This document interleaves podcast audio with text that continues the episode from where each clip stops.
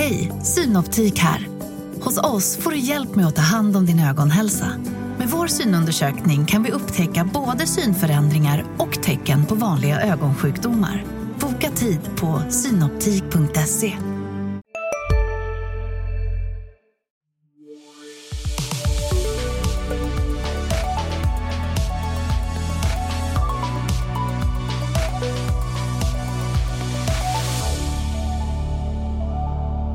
Välkommen till Analyspodden, Dagens Industris podd om börs och aktier. Idag är det jag, Agneta Jönsson och min kollega Mikael Olsson som är bakom mikrofonerna. Vad tycker du vi ska prata om idag, Mikael? Det kommer bli lite prat om den surare börsen, eh, Hexatronics och eh, New Waves rapporter och eh, som vanligt några aktiecase. Det tycker jag låter som en bra plan.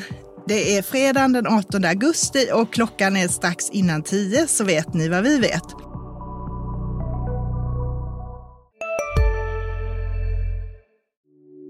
Hej, Ulf Kristersson här. På många sätt är det en mörk tid vi lever i. Men nu tar vi ett stort steg för att göra Sverige till en tryggare och säkrare plats. Sverige är nu medlem i Nato. En för alla, alla för en. Har du också valt att bli egen? Då är det viktigt att skaffa en bra företagsförsäkring. Hos oss är alla småföretag stora och inga frågor för små. Swedeas företagsförsäkring är anpassad för mindre företag och täcker även sånt som din hemförsäkring inte täcker. Gå in på swedea.se företag och jämför själv.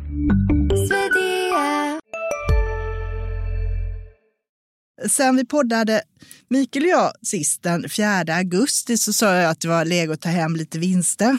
Sen dess har det gått ner. OMXS30 är ner drygt 3 procent sen dess. Vi har sett, och den stora har kommit denna veckan här. Eh, just nu så är det faktiskt, man säger, tittar man på teknisk analys så säger man att det är lite översålt, vilket gör att det kanske blir någon mindre uppstuss på det här. Vi fick också en teknisk eh, signal när OMXS30-index gick upp under det här 200 dagars glidande medelvärde i tisdags. Det är en sån här som man tittar på som späder på att det är lite osäkert och att vi kan komma in i en negativ trend. Och där har vi inte varit under den nivån sedan i november förra året. Så ska det bli lite mer positivt igen så gäller det att hoppa upp över den här medelvärdet igen och då ska vi upp liksom över 2200 för att inte bryta det här.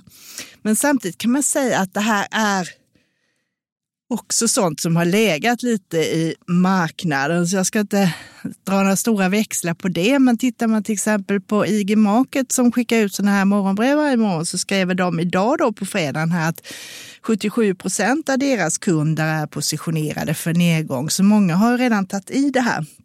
Så det här är lite av en väldigt väntad nedgång. Och jag håller fast vid det här som jag sa förra gången, att det är bra med en del likviditet och det kommer finnas chans att kunna göra bra fyndköp här i höst. Så liksom inte paniksälj allt, men ändå ha dörren öppen lite. Eh, hur tänker du om det här? Mm, I men, jag, jag tycker ju att det är svårt med, med makro generellt, men eh, jag, jag, tycker att marknaden känns lite fram och tillbaks här. Eh, varannan dag så, så väljer man att fokusera på inflationen och då tycker man att det är eh, bra för såna risk assets, alltså typ aktier, eh, eftersom att inflationen är på väg ner. Och, varannan dag så, så fokuserar man på tillväxten istället och då är man kanske lite mer oroad för att man tycker att det finns vissa signaler som, som visar att konjunkturen kommer bli svagare nu och sen är frågan som vanligt och hur, hur djup och hur bred och sådär. Eh, men september och augusti är väl två säsongsmässigt ganska svaga månader generellt. Ehm, så det skulle kunna vara så att eh, under kommande månaderna här så, så finns det, eller kommande månaden kanske, så, så finns det lite, lite köplägen. Liksom. Men eh, jag, jag kör på med mitt vanliga och tycker att man, man letar case och så löser sig resten. Det är lugnat så. Och det här kortsiktiga, då är det ett helt annat pussel. Och det är ju som du säger att det kommer ju väldigt mycket om olika makrosignaler, vilket gör också att det blir nervöst. Man vet inte riktigt vilket ben man ska stå på. Vi har sett att de amerikanska räntorna studsade upp här också ordentligt under veckan här efter att det här Fed-protokollet som släpptes i onsdags visade att en del kanske hade velat höja förra gången. Mm. Men det, är liksom, det gäller att följa det här. Ska vi prata lite om vad som hände nu i veckan? Ja. Måndagen var ganska händelselös. Då hände faktiskt, det enda som hände som jag noterade var att eh, de här Dunis storägare Mellby Gård ökade så de kom upp över 30 procent i bolaget och då ska lägga ett sånt här budpliktsbud och aktien steg över 3 procent på det. Men frågan är liksom, är det något positivt? Ska man dra några växlar på det? Mm. Jag, jag tror nog att man ska vara ganska försiktig med det faktiskt. Nu, eh, Mellby Gård skrev ju i sitt pressmeddelande då när de hade passerat den här 30% gränsen att de planerade att lägga ett budpliktsbud. Det är nu några procent under vad kursen handlas till. Eh, och det var då för att visa sin tro på liksom, bolaget långsiktigt. Eh, fördelen är väl att de, de, kan handla då utan att behöva göra den här, eh, lägga det här budet framöver eftersom att de är över 30 procent. Ehm, men jag, jag, tycker inte att man ska jag tycker faktiskt inte man ska se det som, som en riktig botten ens i aktien. Att det är liksom, ja, men då har man cementerat den nivån. Om man, om man tittar på exakt samma situation som hände i Dustin nyligen när ehm, ehm, eh, eh, Axon Johnson-sfären eh, passerade budpliktsgränsen. Så den aktien handlas ju säkert 10-15 procent under budpliktsbudet som bara var för, ja, det gick väl ut för tre veckor sedan eller något i den stilen. Så det ja, det är väl bra att de de gillar ett stort, av, ett stort bolag i deras portfölj men eh, man kanske inte ska, det, det kanske är lite av en falsk trygghet. Faktiskt. Precis, och det, man kanske inte ska ta rygg på det, just att använda det som en signal här. Nej, nej då, då får man nog eh, gå tillbaka och titta på räkenskaperna eller marknads, marknaden i stort kanske. Sen hade vi stora rörelser. På tisdagen så rapporterade Hexactronic, det är de här som håller på att lägga ut fiberkabel och sånt där och har varit en stor vinnare senaste åren, men de följer faktiskt 12 procent eh, på sin rapport. Vad var det som gjorde att marknaden inte gillade det här? Mm. Ja, men, eh, rapporten i sig var ju eh, väldigt bra, får man säga. Eh, men sen så var det ju utsikterna framåt som, som eh, var lite svagare. Eh, eller ganska mycket svagare då. Så, så Hexatron, för Hexatronics del så har 2023 varit ett ganska kaotiskt år, eh, aktiekursmässigt i alla fall. Ner nästan 60 procent. Eh, men då ska man kanske ha i åtanke också att Aktien var nära någon slags all time high vid årsskiftet efter flera år av liksom, superstark utveckling. Eh, hur, hur, som helst, bolaget har haft ett par starka kvartal i ryggen men eh, det som oroat är förhållandena på liksom, marknaden där de agerar. Eh, och som du sa, de säljer produkter för fiberoptiska nätverk och kablar och rör och racksystem och ja, olika tillbehör och komponenter relaterat till det. Ehm, och det som har fått aktien att gå ner är liksom lagersituationen och en oro för hur mycket nya ordrar som kunderna kommer lägga under kanske det kommande året framför allt. Ehm, strukturellt så tror jag att de flesta är överens om att det finns goda tillväxtmöjligheter. Ehm, och det är någonting som marknaden då hade nosat reda på det här sen tidigare och det har skrivit om det också.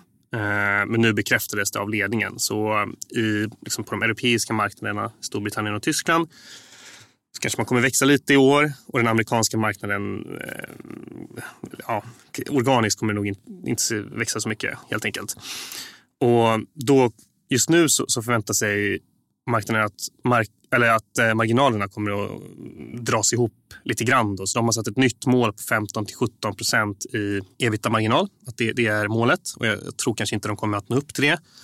Och Det är väl det som liksom börjar prisas in nu. Och då, risken är då att i, i nästa steg så kommer folk tänka, okej, okay, men har de satt upp eh, för, har de för höga mål? Liksom. Så jag, jag, tror att utmaningen för bolaget framför allt är att liksom förklara och motivera varför de kommer kunna bibehålla så pass höga marginaler.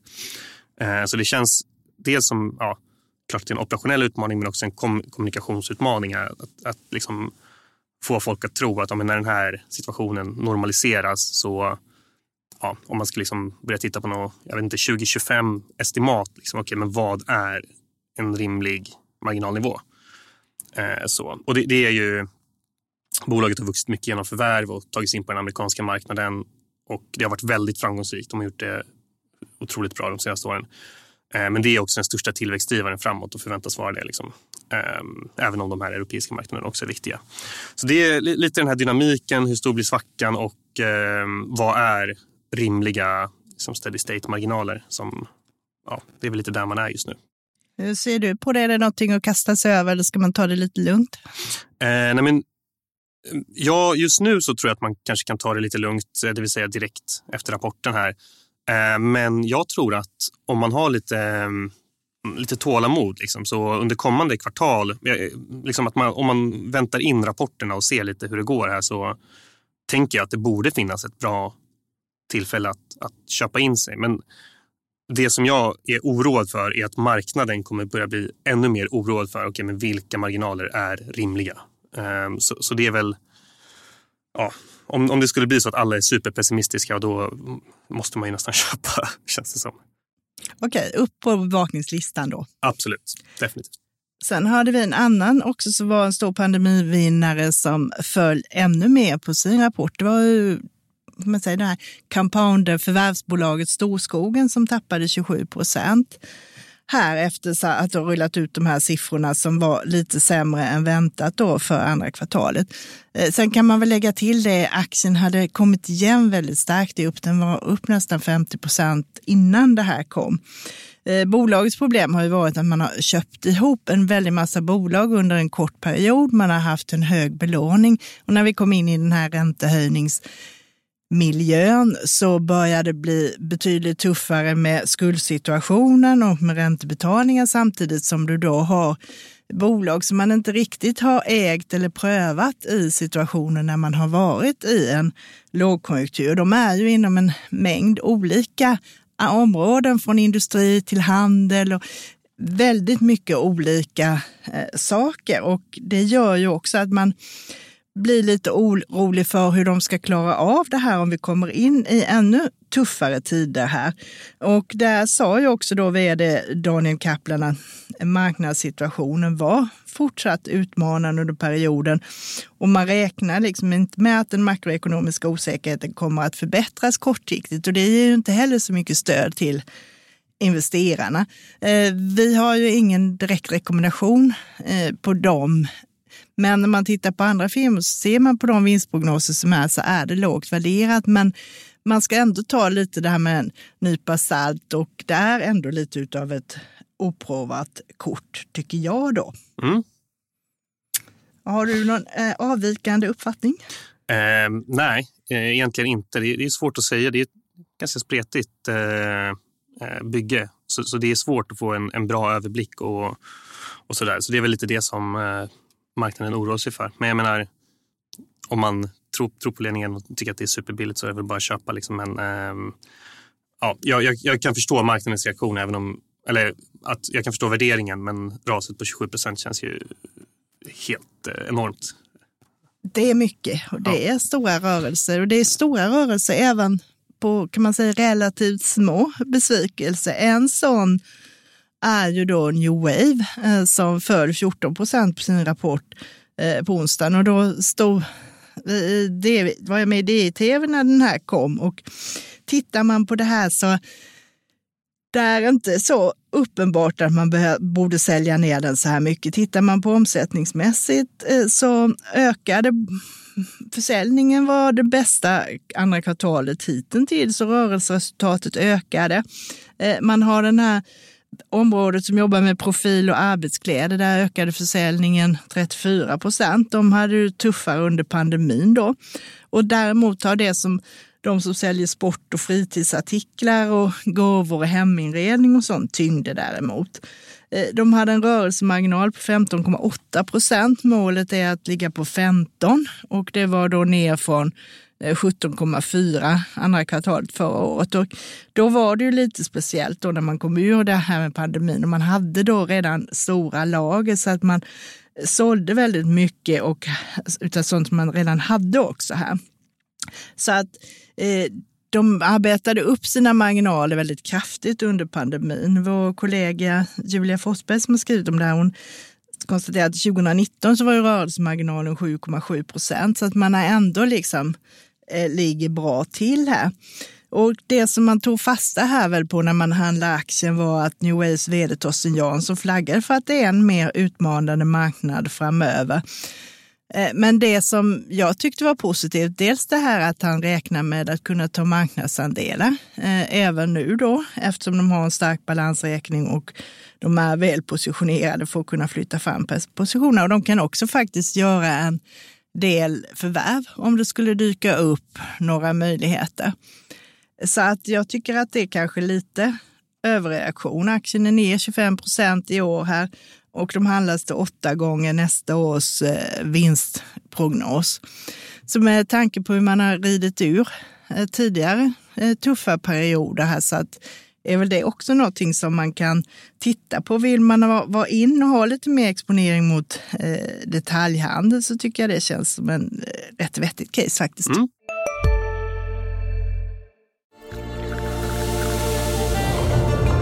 Välkommen till Maccafé på utvalda McDonalds restauranger med Baristakaffe till rimligt pris. Vad sägs om en latte eller cappuccino för bara 35 kronor? Alltid gjorda av våra utbildade baristor. Hej, Susanne Axel här. När du gör som jag och listar dig på en av Krys vårdcentraler får du en fast läkarkontakt som kan din sjukdomshistoria. Du får träffa erfarna specialister, tillgång till lättakuten och så kan du chatta med vårdpersonalen. Så gör ditt viktigaste val idag, lista dig hos Kry.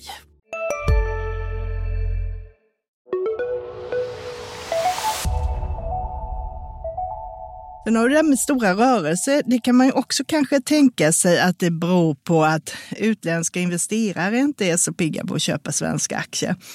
Eh, vår kollega Ulf Pettersson skrev ju om det i veckan här, att det utländska ägandet har minskat från 40 till 37 procent sedan årsskiftet 21-22 här. Eh, omräknat i pengar så rör det sig om en 400 miljarder som, in, som har försvunnit. Och det är ju ganska mycket. Och en del i det här är kanske den här svaga kronan. För de som har varit här har ju faktiskt haft en sämre avkastning än vad vi har haft. Mm. Nej, men eh, jag tror att som, som utländsk investerare, om man eh, tittar lite längre bort, typ eh, USA, ehm, så känns nog Sverige som en ganska, liksom, det är en marknad i periferin. Man kanske inte riktigt orkar sätta sig in i och hålla koll på alla, åtminstone inte de här mellanstora bolagen. Eh, det är klart, våra industrijättar är väl fort, fortfarande intressanta. Liksom. Men um, um, det, det, jag tror det är lite så man ska tänka. Sen så kan man ju resonera lite kring exempelvis den här fastighetssituationen ehm, um, vi har i, i, Sverige. Den tror jag många oroar sig väldigt mycket för. Det, det är någon slags konsensusåsikt. Och sen kronan har varit, varit väldigt svag. Jag vet inte, det är väl lite hönan och ägget där kanske. Men de här är liksom effekter av varandra också på många sätt som kanske förstärks av eh, någon slags bild av att, ja, men, att det inte går så bra för Sverige. tror Jag eh, Jag tror att det är lätt att få den bilden i alla fall om man öppnar en eh, tidning. Liksom. Det, är det, det räcker ju att du tittar i Financial Times när du skriver de senaste grejerna som jag har sett när det har nämnts svenska bolag. Eh, det var SBB, debaclet där och när de bytte vd. Sen har det ju varit om svenska bankers exponering mot kommersiella fastigheter. Det var en stor artikel om det här ja. i samband med rapportperioden. Och sen har du hela det här nu med eh, oron, koranbränningar och högre te terroristhot och sånt där. Så att det, tittar man på det ur deras perspektiv så ser det ju inte ut att vara en jättelockande marknad. Nej, nej AB Sverige känns som att det ja, det, det kan vara lätt att undvika det om man är en utländsk kapitalförvaltare helt enkelt. Och på torsdagen då? Sen på torsdagen hade vi ju ett eh, populärt bolag som rapporterade, eller åtminstone som var populärt förut. Det var ju spelbolaget Embracer. Eh, och då föll faktiskt eh, aktien redan innan eh, 5 på tisdagen, för då kom det ut uppgifter om att det var deras eh, saudiska storägare Savvy Gaming Group som var motpart i den här affären som sprack här i samband med förra kvartalsrapporten. Den här som skulle varit värd över 2 miljarder över sex år. Men, och när det väl då var dags att släppa eh, siffrorna här igår så eh, tog man emot det positivt för första gången på väldigt länge. Så att aktien steg 13 procent på eh, rapporten, men den är ändå liksom ner 37 procent i år. Eh, Johan Wendel kommenterade det ungefär så som att äntligen lite goda nyheter här. Man hade en eh, organisk tillväxt på 20 procent under det här kvartalet som sträcker sig från april till juni och det var ju då bättre än väntat. Däremot så fanns det en del teknikaliteter som man säger. Finansnettot på 2,2 miljarder är liksom en effekt av omvärdering av tilläggsköpeskillningar som beror på att aktiekursen har fallit därför att den är kopplad till den. Så det är liksom inget egentligen prestationsmässigt, så det kan man bortse ifrån. Och sen var kassaflödet negativt 600 miljoner och det är viktigt att man faktiskt lyfter det och får positivt kassaflöde nu här. Eh, själva upprepar de nu sin prognos om att de ska göra en rörelseresultat på 7-9 miljarder i år. Eh, men marknaden verkar tvivla eh, på det där. Eh, Johan har väl räknat på det här och tittat på att de värderas då nu till ungefär till 5,8 till 7,4, det skuldjusterade börsvärdet då. Och då har han räknat på en skuld på 17 miljarder, inte de här 8 miljarderna som bolaget själva har satt upp. Så tittar du på det så är det lågt värderat. Så det finns ju uppenbart en tveksamhet om det här i marknaden. Så är det. Och jag menar, det är väl väldigt sunt i, i grunden att om man inte vet hur de riktigt ska hantera skuldsituationen så eh, då ska det väl vara billigt helt enkelt. Och där, där ligger väl också möjligheten om man tror att de fixar det eller inte helt enkelt. Visst är det så. Sen kom en annan lite konstig nyhet egentligen om man tittar till marknadsreaktionen. Det var ju Handelsbanken som gick ut med ett pressmeddelande om att eh, deras vd då Carina Åkerström har fått ett ändrat pensionsavtal så att nu får hon gå i pension vid 62 års ålder, Eh, vilket hon då fyller i oktober nästa år. Eh, och då kommer hon att sluta och hon har då ser fram emot att kunna kanske få en karriär som styrelseproffs. Hon har redan styrelseuppdrag i Holmens styrelse, men som vd kan hon inte ta på sig så mycket mer. Eh, det kräver ju en del annan arbetsinsats också.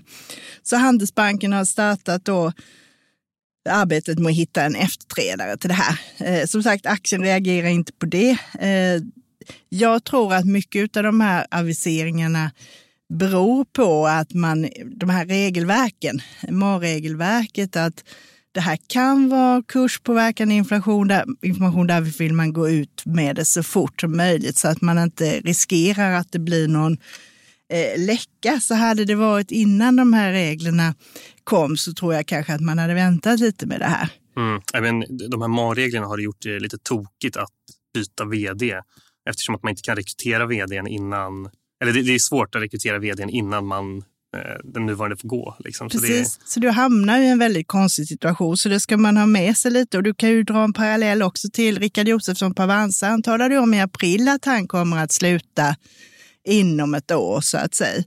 Och då börjar de också titta på en efterträdare och där har man ju inte hört någonting eh, sedan dess så att säga. Nu befinner sig bägge de två i en sån här fas där man liksom har haft planer, man har exekverat på dem. Det kan vara läge att ta nästa steg, men inget akut läge. Det är värre som det var tycker jag med Telia då när Alison Kirkby slutade här för att gå till British Telecom. För att där är man inne i en process som inte riktigt är färdig och då är det mer risk att man tappar tempo. Ja. Vare sig för Handelsbanken eller Avanza så tycker jag det var liksom ingen större dramatik i det. De är inne i såna här faser så det rullar på nu. Så det är mer spännande att se vad kommer att hända i nästa steg. Och jag tittade också lite på det där, kan bara lämna lite översiktligt om det här med nätmäklaren och tittade på Avanza och Nordnet och jämförde med tyska FlatEx, DeGiro och Robinhood. Och vi har sett de två sistnämnda har ju verkligen tagit revansch på börsen eh, i år. Eh, Robin Hood är upp en 40 procent och FlatEx, de Giro eh, ligger på 30 ungefär, men Nordet och Avanza har gått upp 2-5 procent och nu har de gått ner lite de senaste dagarna. Här. Eh, men de hade ju inte alls samma, har inte tappat så mycket sedan toppen som de andra gjorde här. Så att vi har, våra ser betydligt stabilare ut och man har också lyckats väldigt bra under den här perioden när vi har haft en nedgång i aktiviteten på börsen så har man lyckats kompensera det här på ett helt annat sätt genom ökat eh, räntenetto här. Det som man ser på FlatEx Giro, de var ju inne här och ville jobba på den svenska marknaden när de hette Giro då, vilket var en holländsk nätmäklare. De var ju de första som var inne här och erbjöd gratis aktiehandel egentligen på Stockholmsbörsen. Och sen gick de 2020 ihop med tyska Flatex. Då. Men de har liksom inte vunnit någon större framgång i Norden. Vi tillhör det som då kallas för deras research market och där ingår en del andra mindre länder i Östeuropa och så där också. Men där har de typ Eh, bara 120 000 kunder mot att de har 2,6 miljoner kunder totalt. Och där de växer, där är ju då eh, på de här marknaderna som Italien och Spanien och Frankrike där man inte är så van och eh, handla aktier överhuvudtaget och framförallt inte via nätet. Där har de en tillväxt på upp mot en 18 procent. Tittar man totalt växte deras kundstock med 12 procent. Eh, Avanza växer med 6 och Nordnet med 9. Och Nordnet växer också mer utanför Sverige så att säga. Så det är lite det att mogna marknader växer mindre. Robinhood eh, växer inte kundstocken alls speciellt mycket, men de har kvar många av kunderna. De har 23 miljoner kunder ungefär, varav ungefär hälften är aktiva på månadsbasis. Och det är en helt annan typ av verksamhet. De handlar jättemycket optioner. Eh, typ två tredjedelar av courtageintäkterna är då eh, optioner och derivat. Och sen har de en hel del krypto och det har ju inte våra. Och sen har du mycket den här meme-stocken som man skrev om mycket under pandemin. Så det är lite annan typ av verksamhet och lite mer rörligt. Och du har ju också en helt annan värdering. Eh, där räknar man med att de kanske når lönsamhet för första gången på årsbasis nästa år. Men då får du ett P tal på 93. Och sen mm. har du Flattex till och de ligger under 10. Och Nordnet där Avanza har kommit ner en bit. Så att det kan se eh, rätt intressant ut. Jag tycker våra nordiska nätmäklare till eh, nuvarande värdering känns lite hetare än eh, Robinhood där det är optionshandel, memestocks och krypto till P93. Då så kanske den, i och för sig så är väl det väldigt hög värdering om de precis slår om till lönsamhet såklart.